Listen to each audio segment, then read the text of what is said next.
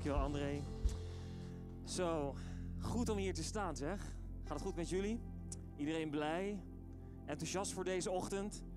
Vol verwachting gekomen dat God tot je wil spreken? En ik hoop dat je ook een heerlijke tijd van worship hebt gehad. En dat je indringt hè, op het moment als je in worship bent. We hebben een tijd geleden gesproken over worship, wat er gebeurt. Weet je, op het moment als je God gaat aanbidden. Weet je, dat is een krachtig, krachtig wapen. De Bijbel spreekt ook dat God door het gezang en de worship van kinderen en baby's de vijand het zwijgen oplegt. En het mooie is, wij denken altijd, hè, en ik vertaal die ook altijd zo. Dus het is goed dat kinderen ook leren aanbidden. Maar zijn wij niet allemaal kinderen van God? Zijn wij niet allemaal kinderen van Hem?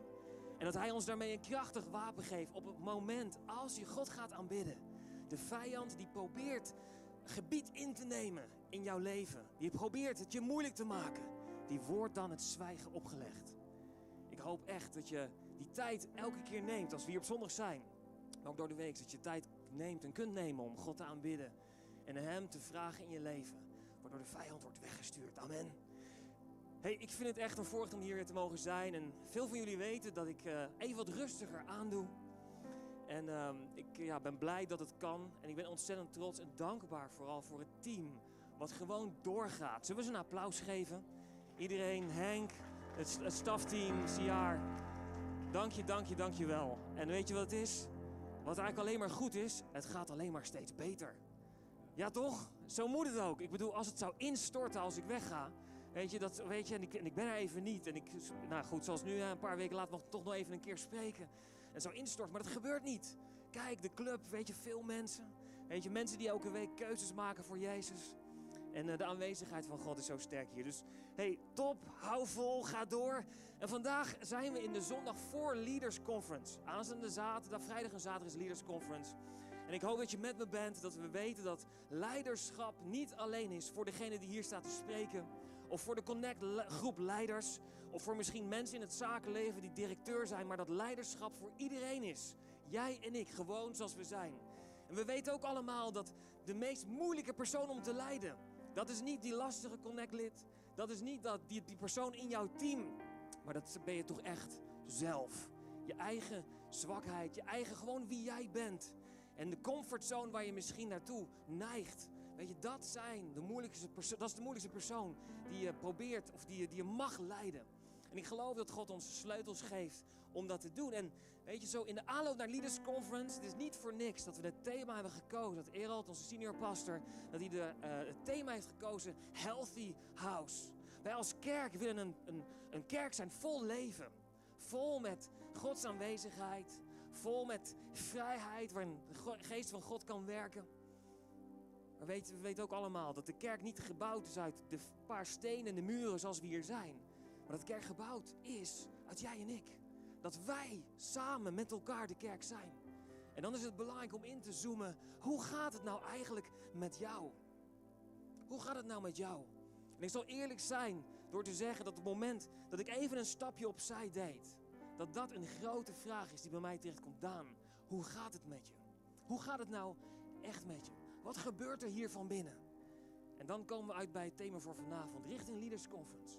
Waarbij ik eigenlijk zeg, healthy house, dubbele punt, God, fix me. Fix me.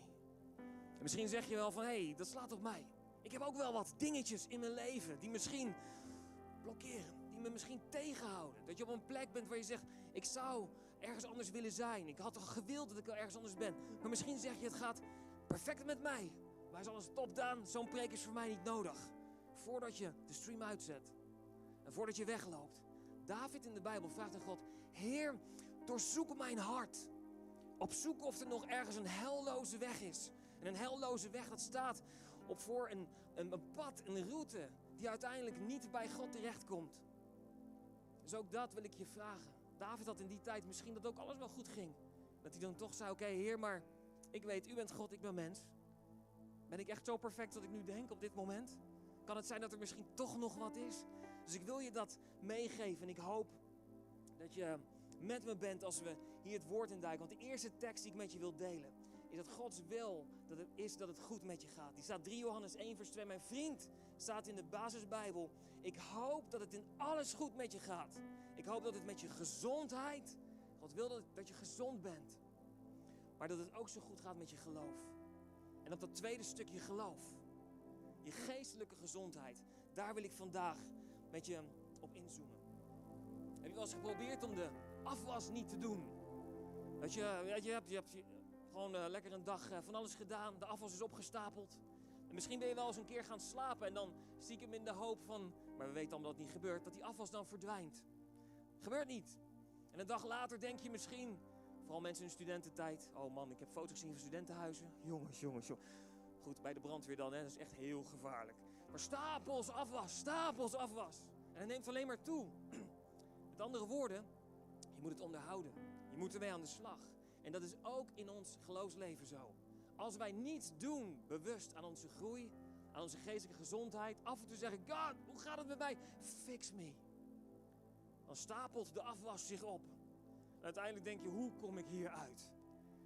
En voordat we daar zijn, wil ik een beetje duiken in wat Gods woord daarover zegt. Aan de hand van twee Bijbelverhalen wil ik je de komende paar minuten nog meenemen. En een aantal gedachten die je kunnen helpen om hier een stap in te zetten. En eigenlijk wil ik je bemoedigen om deze stap al te zetten voordat je naar Leaders Conference gaat. Want het is belangrijk dat we ons hart open hebben om te ontvangen, Heer. En te zeggen, oké Heer, ik ben open om te ontvangen. Fix me. Voordat we verder gaan, bid ik graag nog, Heer. Dank u voor wie u bent. En dank u voor uw aanwezigheid hier. Dank u Heer voor uw zegen. Bid in Jezus' naam, Heer, dat u tot ons spreekt. Heilige Geest, wilt u door de ruimte gaan. En ook iedereen die online meekijkt. Ik bid, Heer, dat we ons hart openen, te ontvangen wat u wil spreken. Heilige Geest, u weet waar we doorheen gaan, wat we nodig hebben. Wat onze volgende stap is die we mogen zetten. En ik bid, Heer, wilt u antwoorden geven vandaag. Wilt u ons leiden, Heer? Wilt u ons bemoedigen? Wilt u ons opnieuw vullen? Mogen we dicht bij u zijn in Jezus' naam. Amen. Hey, ik wil een beetje beginnen met. Um, ik wil twee eenvoudige verhalen, mooie verhalen uit het Oude Testament gebruiken. En ik wil je twee punten meegeven. De punten noem ik alvast. De eerste punt is zometeen: de bal ligt bij jou. De bal ligt bij jou. En het tweede punt wat ik met je wil delen is: God werkt vaak anders dan verwacht. En van de tweede heb ik een hele preek ook gedaan een tijd geleden.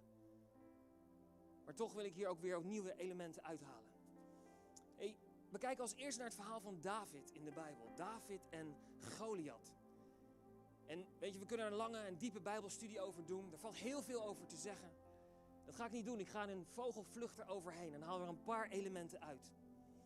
Wat we zien in het verhaal van David en Goliath is dit. Dat was een reus Goliath en die had het volk van Israël uitgedaagd om een eenmansgevecht te doen met hem. En wie dan zou winnen, die zou dus uiteindelijk ja, de grote winnaar zijn. De een zou dus de ander dienen. Maar Goliath was een soort grote verschijning, indrukwekkend, afschrikwekkend misschien wel. En vooral intimiderend. En we lezen in de Bijbel dat hij, in 1 Samuel 17 vers 16 staat dit. Elke ochtend en elke avond kwam de Filistijn Goliath naar voren en daagde het leger van Israël uit. En dat deed hij 40 dagen lang. Nou wat deed hij? Hij daagde ze uit door te zeggen, kom vechten dan. Kom vechten. Heb je dat wel eens meegemaakt? Op straat iemand? iemand tegenover je? Kom vechten dan. Weet je, dat is wel echt, ik vind het altijd een beetje de meest primitieve manier van kijken wie nou de baas is. Weet je wel? Zo van, ik win het niet in woorden, kom vechten dan. Nou ja, dat. Oké, je snapt wat ik bedoel. Maar de mensen werden bang. Mensen werden bang. Ze werden geïntimideerd. En wat er gebeurde, eigenlijk stond het land stil, zou je kunnen zeggen. Want iedereen was in de vrees van Goliath wat er zou gebeuren. Alle aandacht ging daar naartoe. En zulke dingen kunnen wij ook meemaken in ons leven. Dat alle aandacht naar intimidatie gaat op ons leven. Naar woorden zoals: Je bent niet goed genoeg. Wie denk jij wel niet dat je bent? Denk je nou echt dat God van jou houdt? Denk je nou echt dat jij verschil kan maken? Denk je nou echt dat jij degene bent die in de bediening mag stappen en een zegen kan zijn voor andere mensen? Wie denk jij wel niet dat je bent? Dat zijn de woorden die Goliath uitsprak 40 dagen lang. In totaal, s ochtends middags 80 keer. Wat gebeurt op het moment als je dat blijft horen en blijft horen? Hij lachte David uit. Hij vervloekte David. Hij zei tegen hem: Kom jij maar eens hier. Ik zal je voeren aan de vogels en de wilde dieren. Ik bedoel, als je dan nog niet bibbert op een, als een rietje. kan me voorstellen dat het angstaanjagend is. Maar wat zien we gebeuren in de Bijbel? Dat waar koning Saul eigenlijk de aangewezen persoon was, degene was die voorop mocht gaan in de strijd, koning was van het land. En de Bijbel spreekt ook over dat Saul ook een indrukwekkend persoon was. De Bijbel leert ons dat Saul met kop en schouders boven iedereen uitstak. Hoe groot Goliath dan ook was, ook Saul was indrukwekkend, maar hij durfde niet. Hij durfde niet te gaan. En daar zien we iets bijzonders. Want wie nam er uiteindelijk verantwoordelijkheid om op te staan tegen de intimidatie van de vijand? Dat was David. En David zei dit als volgt in 1 Samuel 17, vers 45. Ik kom naar jou toe, zei hij tegen Goliath, namens de Heer van de hemelse legers, de God van het leger van Israël, de God die jij hebt uitgedaagd. En vandaag zal de Heer jou in mijn macht geven, want de Heer zelf strijdt voor ons en hij geeft jullie in onze macht. En we lezen daar dat David weet je, met een slinger een steen tegen Goliath gooide. Goliath viel neer en David had daar de overwinning. En God gebruikte gewoon David, eenvoudig zoals hij was, met de steen die hij had, met wat hij op dat moment in zijn hand had. Daarmee werd de vijand verslagen. En de vraag is dit aan jou. Weet je, voel jij misschien ook intimidatie, twijfel of argumenten die ik zojuist ook heb opgenoemd? Het antwoord is dit. Sta op. Sta op en zeg, dit is genoeg. Het is nu tijd om de vijand het zwijgen op te leggen en te gaan staan. En weet je, je ziet dat God uiteindelijk de overwinning geeft. Maar David moest opstaan. En daarom mijn eerste punt, de bal ligt bij jou. Voor degenen die voetbal, van voetbal houden. Als er een strafschop genomen moet worden, dan is er één persoon die de bal heeft, die moet hem neerleggen. En die moet hem uiteindelijk in het doel schieten. En weet je, jouw leven is jouw wedstrijd. Jij bent degene die die bal moet pakken moet neerleggen op de stip. En hoe groot die keeper ook is, hoe groot hij ook heen en weer rent. Of zoals Hans van Breukelen voor degene die uit mijn tijd zo deed. We zijn bang dat we misschieten, want we denken dat we maar één kans hebben. Maar God geeft jou de overwinning. Overwinning is al behaald. Maar jij mag de bal pakken en jij mag hem schieten. God zelf zal voor je strijden. En weet je, welk wapen hebben we altijd bij ons? Ik heb het zojuist genoemd aan het begin. Worship. Aanbidding maakt dat de vijand wordt stilgelegd. Aanbidding geeft bescherming over ons. Gebruik aanbidding. Het tweede verhaal waar ik met je naar wil kijken is het verhaal van Naaman. En afgelopen zomer heeft Henk gesproken over Naaman. Hij heeft hij heel goed gedaan. Dus als je wil, kijk dat nog eens terug. Het was in begin augustus. Ik ga niet zijn preek overdoen, absoluut niet. Maar ik wil wel een paar dingen er nog uithalen. Wat ik mooi vind in eigenlijk het tweede punt wat ik bij je wil neerleggen. Dat God vaak anders werkt dan dat wij verwachten. Je kent het verhaal misschien wel, je kunt het lezen in 2 Koningen of 1 Koningen 5. Daar staat dat uh, Naaman, hij was dus een legeraanvoerder. En Gods gunst was op zijn leven, want hij had veel overwinningen behaald. En de koning was heel tevreden over hem. En er wordt niet echt gesproken dat hij ook echt een volger was van God, maar God was in elk geval wel met hem. Dat is wat er staat. Maar, staat er in de Bijbel, hij had een huidziekte. En deze maar wil ik ook bij je neerleggen. Is het niet zo dat wij allemaal een maar in ons leven hebben? We doen mooie dingen misschien. Ik sta hier, mensen van de worship, connect-leiders. Mensen misschien succesvol in het leven, misschien gaat het goed op school, met je, met je studie. En toch is er een maar. Ik geloof dat we allemaal een maar in ons leven hebben. En de maar van Naaman was fysiek. Hij had een besmettelijke ziekte en in die tijd was het eigenlijk niet toegestaan om onder de mensen te zijn. Ik het kinderbijbeltje van Joy of van Zack, een van de twee, ik weet niet meer. Daar wordt het verhaal ook uitgelegd dat Naaman zich schaamde voor wat hij bij zich droeg. En waardoor hij eigenlijk zichzelf bedekte. En is dat ook niet vaak wat er met ons gebeurt? Dat de maar in ons leven, dat het iets is wat we voor onszelf houden. Wat we niet naar buiten durven te brengen. Maar dat we eigenlijk van binnenuit roepen: Heer, ik heb hulp nodig. God, fix me. We kennen het verhaal dat Naaman uiteindelijk dus naar Israël toe ging. En dat hij bij Elisa terecht kwam. En dat Naaman daar zo stond en eigenlijk iets had van: Oké, ik ben zover, ik heb hulp nodig. Ik heb gehoord van een profeet Elisa die kan mensen genezen.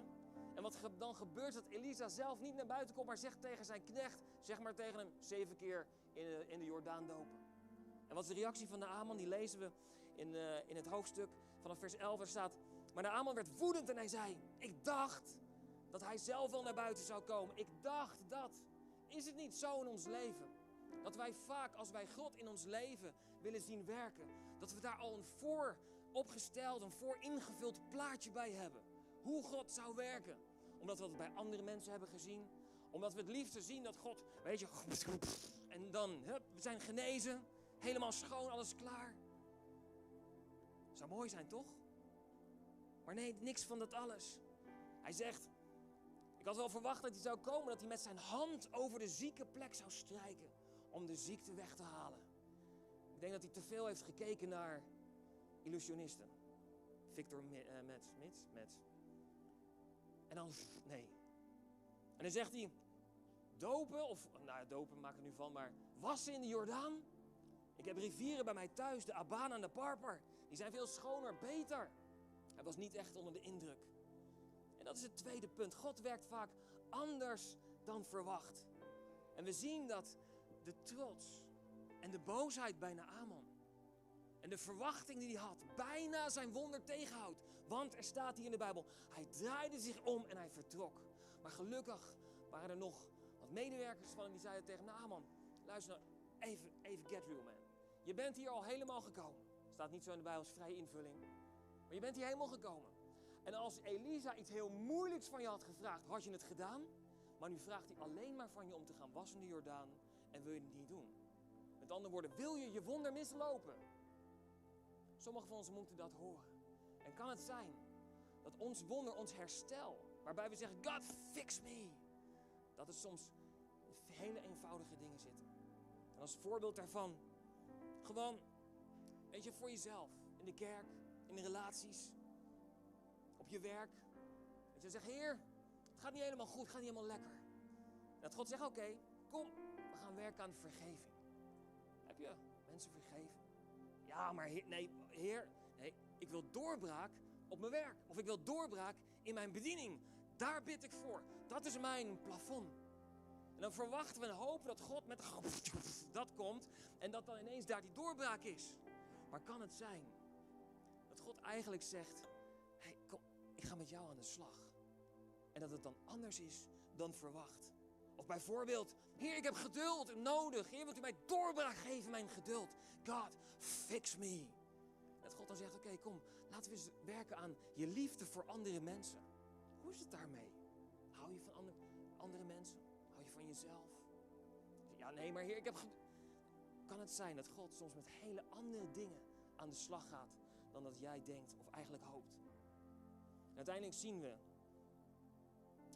dat hij naar de Jordaan ging hij dompelde zich zeven keer onder water, zoals de profeet had gezegd. En zijn huid genas. En hij, hij werd net zo gaaf als dat van een kind. Hij was genezen. En ondanks dat dit een fysieke genezing is, wil ik hem vooral ook geestelijk maken, spiritual. Ik geloof dat we hier principes uit kunnen halen. Waar we kunnen leren en kunnen zien God wil doen, wat God kan doen en wil doen. En als ik gewoon kijk naar deze tekst en wat moest hij nou doen? Hij moest zich zeven keer wassen in de Jordaan. Daarna was hij genezen en hersteld. Water is vaak het symbool voor de Heilige Geest. De Jordaan was de plek waar Israël de grens overstak in het nieuwe land. En dat stond voor, ik heb het hier zo genoteerd, het stond in een symbool voor een nieuw begin, een redding. En Jezus werd ook in de Jordaan gedoopt. En dat was de start van zijn bediening. Het was de plek waar Jezus startte. En het getal 7 staat voor volheid. Vol, compleet. En kan het zijn dat als we dit hier lezen, als we dit hier zo zien, en als we met onze vraag, Heer, ik voel me misschien gebroken, of misschien denk je, ik heb niks, maar Heer, oké, kijk dan maar of er nog wat mis is bij mij. Kan het zijn dat het antwoord ligt in dit? Een geestelijk herstel. Door continu onder te dompelen in de aanwezigheid van de Heilige Geest. Continu onder te dompelen in Gods aanwezigheid. Steeds opnieuw. Eén keer ondergedompeld. Naaman kwam naar boven en er was, hij was nog niet beter. Nog, nog steeds. Nou ja, Elisa had ook gezegd, zeven keer, laten we dan een tweede keer ondergedompeld.